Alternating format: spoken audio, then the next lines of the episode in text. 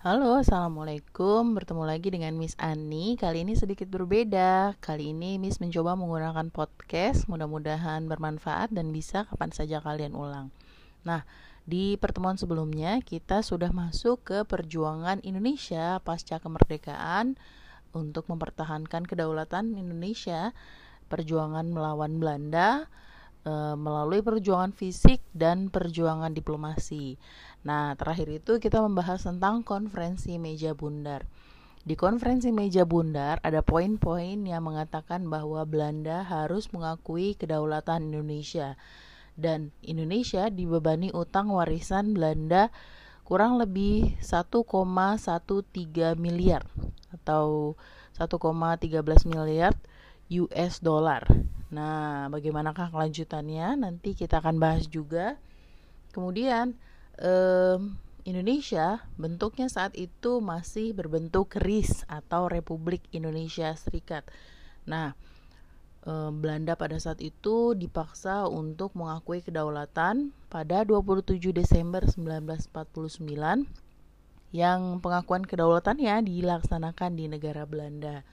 Pihak Belanda ditandatangani oleh Ratu Juliana kemudian eh, Perdana Menteri Dr. William Dress, nah Menteri Seberang Lautan Mr. Aim, kemudian GA Season, sedangkan delegasi dari Indonesia yaitu Dr. Andes Muhammad Hatta. Pada waktu itu, eh, di waktu yang sama, Sri Sultan Hamengkubuwono ke-9 dan wakil tertinggi mahkota AHJ Loving menandatangani naskah pengakuan kedaulatan. Jadi sudah sudah resmi pada saat itu kedaulatan Republik Indonesia diakui oleh Belanda dan kemudian berakhirlah um, penjajahan Belanda di Indonesia. Nah, tapi pada saat itu bentuk negara yang dianut oleh Indonesia bukan NKRI atau Negara Kesatuan Republik Indonesia, tapi masih Republik Indonesia Serikat yang merupakan bentukan dari Belanda sendiri. Nah, apa sih Republik Indonesia Serikat ini? Nah, seperti yang kita tahu, Republik Indonesia Serikat ini bentukan Belanda, bentukan Belanda yang memang eh, seharusnya bukan merupakan eh, cita-cita bangsa Indonesia yang sejak awal. Bangsa Indonesia bercita-cita dari awal, dari Sabang sampai Merauke itu bersatu, ya, di dalam satu pimpinan ya bukan menjadi negara-negara bagian yang berbeda-beda. Nah, sementara untuk KRIS ini mereka membentuknya menjadi tujuh negara bagian dan delapan negara otonom. Nah, tujuh negara bagian ini kemudian memiliki pemimpinnya masing-masing sehingga sebenarnya tidak sesuai dengan keinginan sebelumnya dari bangsa Indonesia.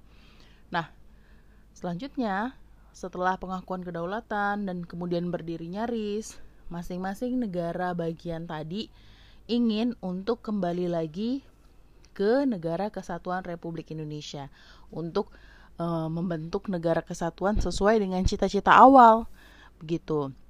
Kenapa? Karena uh, RIS tadi nggak sesuai dengan keinginan dan tujuan cita-cita proklamasi ya negara Republik Indonesia pada tahun 1945.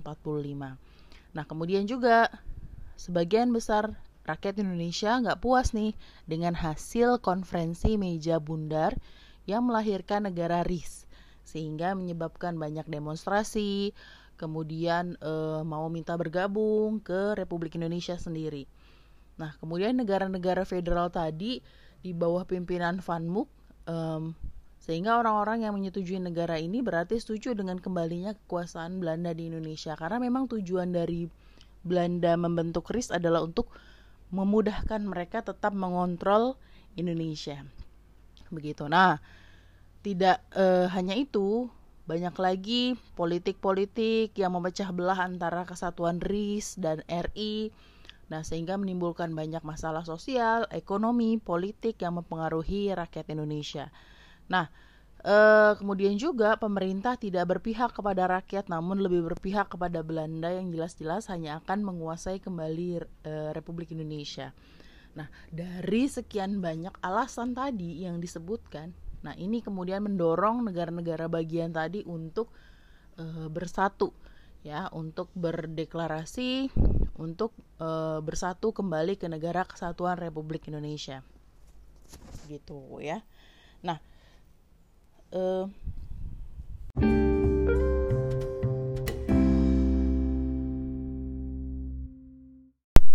Pada tanggal 17 Agustus tahun 1950, RIS resmi dibubarkan. Dan semua negara bagian maupun negara otonom bergabung menjadi Republik Indonesia. Serta e, digunakannya Undang-Undang Dasar Sementara 1950 yang menggunakan sistem parlementer. Nah, ke manakah Undang-Undang 1945 yang menjadi dasar negara di awal ketika proklamasi? Nah, itu akan direncanakan akan dirubah atau digantikan dengan yang lebih baik maka kemudian nanti eh, Presiden Soekarno berencana membentuk satu dewan yang namanya Dewan Konstituante eh, dari hasil pemilu yang bertugas menyusun konstitusi baru, menyusun undang-undang dasar pengganti UUD 1945 mau disempurnakan begitu. Nah, dia butuh orang-orang yang bertugas untuk menyusun eh, undang-undang pengganti tadi. Nah, nanti undang-undang penggantinya kemudian diganti jadi 1950 uh, tertuang pada Undang-Undang Nomor 7 Tahun 1950 50 tentang perubahan konstitusi sementara Republik Indonesia menjadi UUD sementara Republik Indonesia dalam sidang pertama babak ketiga rapat ke-71 DPR.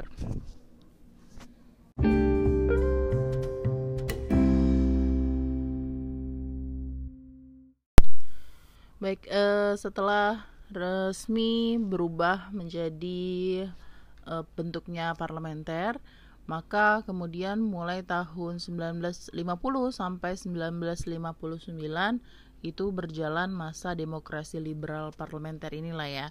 Nah, uh, apa yang terjadi ternyata di awal-awal kemerdekaan ini, di awal-awal Indonesia mulai menjalankan politik dalam negerinya, nah masih banyak sekali gangguan. Gangguannya ya mulai dari pemberontakan, kemudian mulai dari berganti sering bergantinya kabinet, nah sampai nanti e, masalah dalam negeri lainnya. Nah, untuk masa demokrasi liberal tadi dimulai tahun 1950 atau 1949 sampai 1959. Nah, um, ada kurang lebih tujuh kabinet yang uh, berganti mulai dari masa 1949 sampai 1959 tadi. Ya, kurun waktu 10 tahun ada kurang lebih tujuh kabinet yang berganti. Nah, kenapa setiap kabinet ini sampai tidak menyelesaikan tugasnya? Itu masing-masing punya uh, alasannya karena tadi sistem yang digunakan adalah sistem multi partai atau banyak partai sehingga uh, sulit ya untuk menyatukan visi misi mereka, sulit untuk uh, menemukan keinginan yang sama ya antara satu partai dengan partai yang lain punya kepentingan yang berbeda-beda sehingga susah untuk ditemukan. Nah, uh, ada kurang lebih tujuh kabinet yang uh, berganti di masa demokrasi liberal ini yang pertama adalah Kabinet Natsir mulai dari 6 eh, September 1950 sampai 21 Maret 1951. Nah, yang kedua adalah Kabinet Sukiman. Nah, pada tanggal 27 April 1951 sampai 3 April 1952. Kemudian yang ketiga adalah Kabinet Wilopo tanggal 3 April sampai 3 eh, April 1952 sampai 3 Juni 1953. Nah, kabinet yang keempat adalah Kabinet Ali 1. Kita e, sebutnya Kabinet Ali 1 karena kenapa? E, Kabinet Ali Sastro Amijoyo ini menjabat kurang lebih dua kali, ya. Jadi kita namakan Kabinet Ali 1, nanti ada Kabinet Ali 2. Nah, eh, Kabinet Ali 1 menjabat dari 31 Juli 1953 sampai 12 Juli eh, 12 Agustus 1955. Nah, setelah Kabinet Ali 1 berganti ke Kabinet Burhanuddin Harhab pada 12 Agustus 1955 sampai 3 Maret 1956. Nah, dari Burhanuddin beralih ke kabinet Ali lagi. Ali menjabat lagi yang kedua kali, jadi kita namakan kabinet Ali 2 tanggal 20 Maret 1956 sampai 4 Maret 1957. Dan yang terakhir adalah Kabinet Juanda, yaitu dari 9 April 1957 sampai 5 Juli 1959. Nah, masing-masing kabinet tadi punya masalah yang berbeda-beda, masalah dalam negeri yang berbeda-beda sehingga mereka nanti uh, punya alasan masing-masing untuk akhirnya digantikan dengan kabinet yang baru. Nah, karena banyak atau seringnya terlalu seringnya berganti kabinet sehingga menimbulkan tidak percayanya masyarakat atau rakyat terhadap perpolitikan dalam negeri. Kenapa sih ganti-ganti terus? Belum juga menjabat lama, belum juga program-programnya jalan, belum juga stabil, tapi harus berganti terus. Gitu ya, masing-masing punya masalahnya sendiri-sendiri.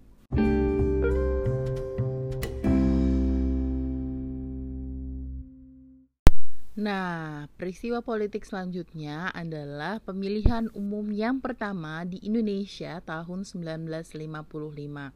Ada dua kali eh, gelombang pemilihan yang dilakukan tahun 1955 ini. Yang pertama untuk memilih anggota DPR yang diselenggarakan tanggal 29 September 1955 dan yang kedua adalah untuk memilih anggota konstituante yang bertugas menyusun undang-undang pengganti Undang-Undang Dasar 1945.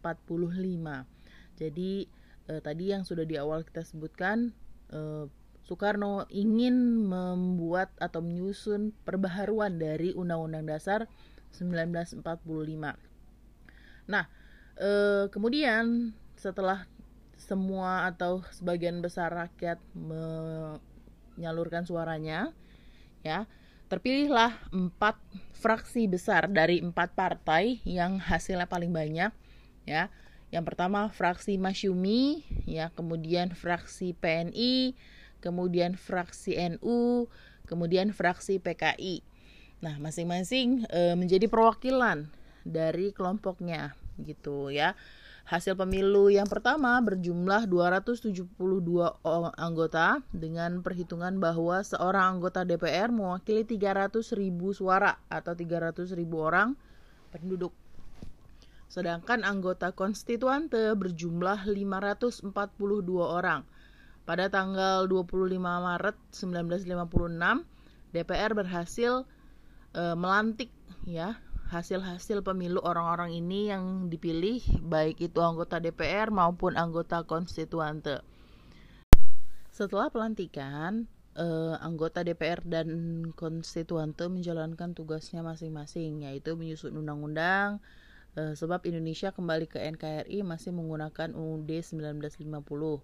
Nah, kemudian juga kondisi ekonomi dalam negeri yang sudah tidak stabil atau sering bergonta-ganti kabinet, terjadi pemberontakan di dalam negeri. Nah, ini menjadi banyak faktor uh, di awal-awal masa pemerintahan, masa kondisi politik di Indonesia di awal kemerdekaan.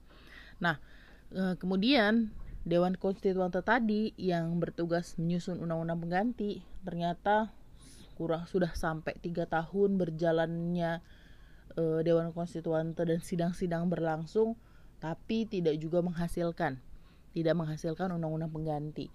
Bahkan suara di Dewan Konstituante tadi terpecah menjadi dua, ya, menjadi kelompok Islam yang menghendaki dasar negaranya dasar negara Islam dan kelompok non-Islam yaitu yang menghendaki dasar negaranya eh, Pancasila. Yang non-Islam ini terdiri dari kelompok nasionalis dan sosialis yang memang menginginkan eh, semuanya e, berbentuk Pancasila ya e, tidak dengan syariat Islam gitu. Nah, pada tanggal 22 April di hadapan konstituante Presiden Soekarno berpidato yang isinya menganjurkan kembali ke Undang-Undang Dasar 1945. Kenapa? Karena tidak juga didapat undang-undang yang lebih baik dari Undang-Undang Dasar 1945. Nah, eh, akhirnya pada 5 Juli 1959, Presiden mengeluarkan dekrit kepada seluruh rakyat Indonesia yang isinya mengumumkan bahwa yang pertama pembubaran konstituante ya dibubarkanlah dewan tersebut karena memang tidak berhasil membuat atau menyusun undang undang-undang pengganti yang lebih baik. Yang kedua, berlakunya kembali Undang-Undang Dasar 1945 dan tidak berlakunya Undang-Undang Dasar 1950 ya. Jadi kembali ke Undang-Undang Dasar yang awal. Nah, yang ketiga adalah pemakluman bahwa pembentukan MPRS dan DPAS akan dilakukan dalam waktu sesingkat-singkatnya. Nah, jadi um, kembalilah lagi Indonesia menggunakan Undang-Undang Dasar 1945. Nah, selanjutnya Indonesia membentuk dua lembaga baru yaitu DPAS, Dewan Perwakilan Agung Sementara dan juga MPRS, Majelis Permusyawaratan Rakyat sementara ya yang memang pada saat itu eh, terdiri dari 261 orang anggota DPR, 94 anggota utusan daerah dan 200 anggota wakil golongan yang berada di MPRS. Kemudian DPAS diang um, beranggotakan 45 orang yang terdiri dari 12 orang wakil golongan politik 8 orang utusan daerah, 24 wakil golongan dan satu orang ketua. Nah, itu kondisi setelah eh, apa namanya? dekret Presiden 5 Juli 1959.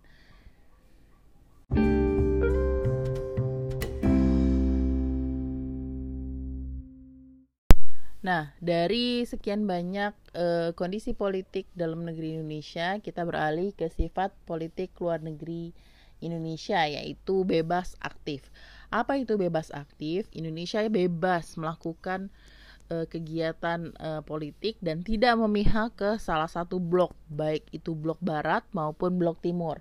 Ya, blok barat itu ya Amerika, kalau blok timur seperti Soviet dulu. Nah, itu Indonesia bebas. Kemudian aktif aktif dalam kegiatan-kegiatan kemanusiaan, kegiatan-kegiatan e, perdamaian dunia yang e, diminta untuk terlibat ya, misalnya di PBB atau di forum-forum internasional lainnya. Pada konferensi meja bundar dibahas terkait dengan masalah Irian Barat. Nah, pada awalnya Indonesia mengupayakan jalan diplomasi melalui tuntutan terhadap Belanda untuk mengembalikan kawasan Irian Barat ke Indonesia. Namun, upaya diplomasi tadi mengalami kegagalan, sehingga Soekarno memutuskan untuk melakukan perang terbuka dengan Belanda. Nah, kebijakan Soekarno dalam menyelesaikan masalah Irian Barat tadi menunjukkan ketegasan politik luar negeri Indonesia untuk memperjuangkan kedaulatan NKRI secara utuh. Nah, kemudian yang kedua, uh, peristiwa politik lainnya adalah politik New Emerging Force atau NEVO. Nah, gagasan politik NEVO tadi disampaikan oleh Soekarno pada KTT Non-Blok tahun 1961. Penyampaian gagasan NEVO merupakan realisasi dari pidato Soekarno yaitu membangun dunia kembali yang tujuannya untuk melakukan konfrontasi penuh melawan kolonialisme dan imperialisme. Dalam pidato Soekarno tadi, ia menyatakan bahwa permasalahan internasional merupakan dampak dari pertentangan antara kekuatan lama atau old devils dengan kekuatan baru yang berisi negara-negara progresif atau negara-negara yang uh, kekuatan baru yaitu NEVOS. Nah, Soekarno kemudian mengajak negara-negara yang tergabung dalam gerakan non-blok untuk bersama-sama melawan dominasi old devils di dunia internasional. Ajakan tersebut mendapatkan penolakan dengan alasan menyalahi prinsip dasar yang telah disepakati dalam e, pembuatan gerakan non-blok.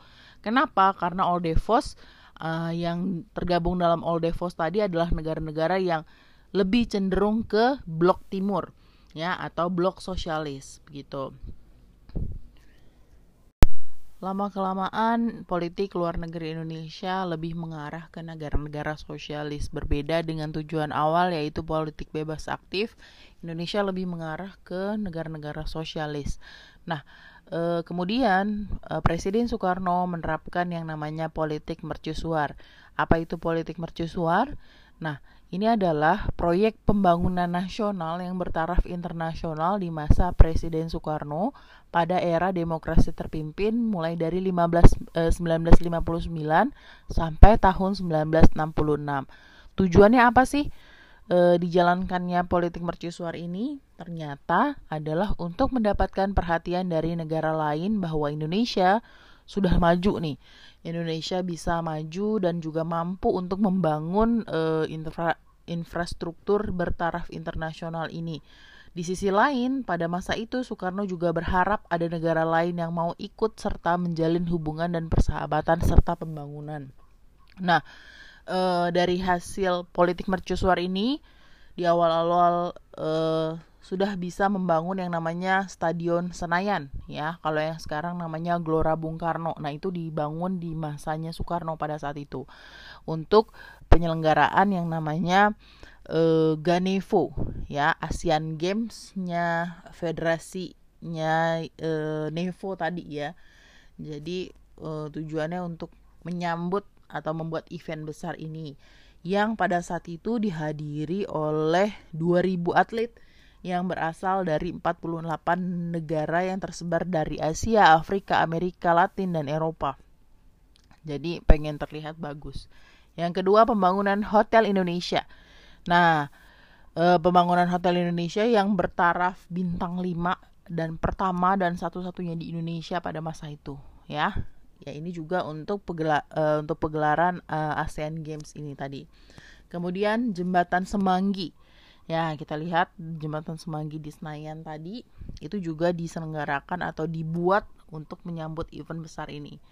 Ya, kemudian e, stasiun TV ya, TVRI Eh, saat itu juga dibentuk ya untuk menjadi TV nasional Republik Indonesia. Kemudian Monas ya. Jadi simbol-simbol besar-besar yang ada di Indonesia saat ini dibangun pada masa Soekarno pada saat itu.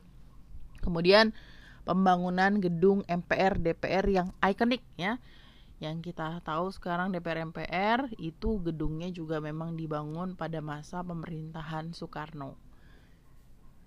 Nah, jadi banyak ya uh, hasil dari politik mercusuar. Nah, tapi apakah sesuai dengan identitas kita? Nah, itu dia.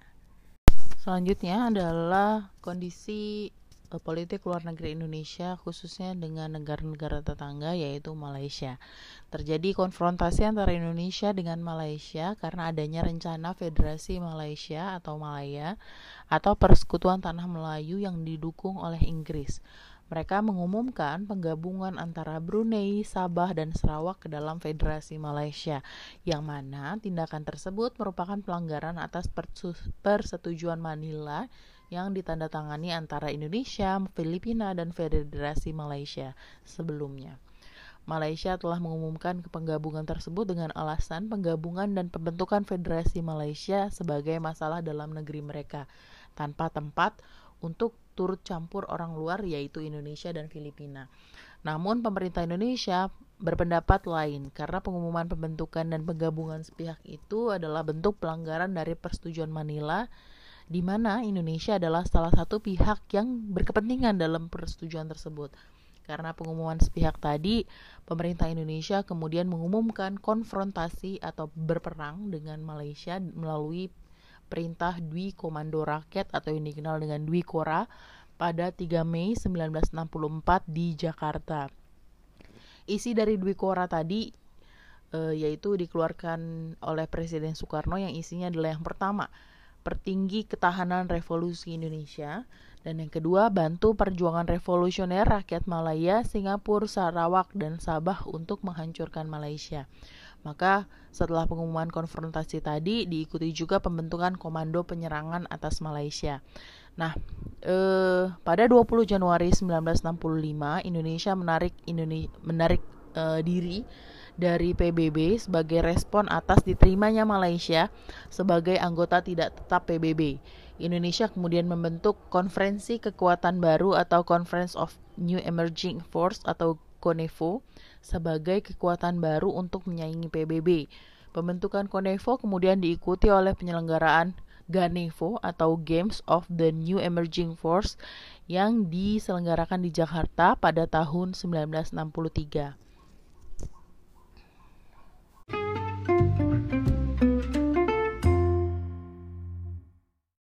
Alhamdulillah kita sudah sedikit membahas tadi tentang kondisi politik dalam dan luar negeri Indonesia.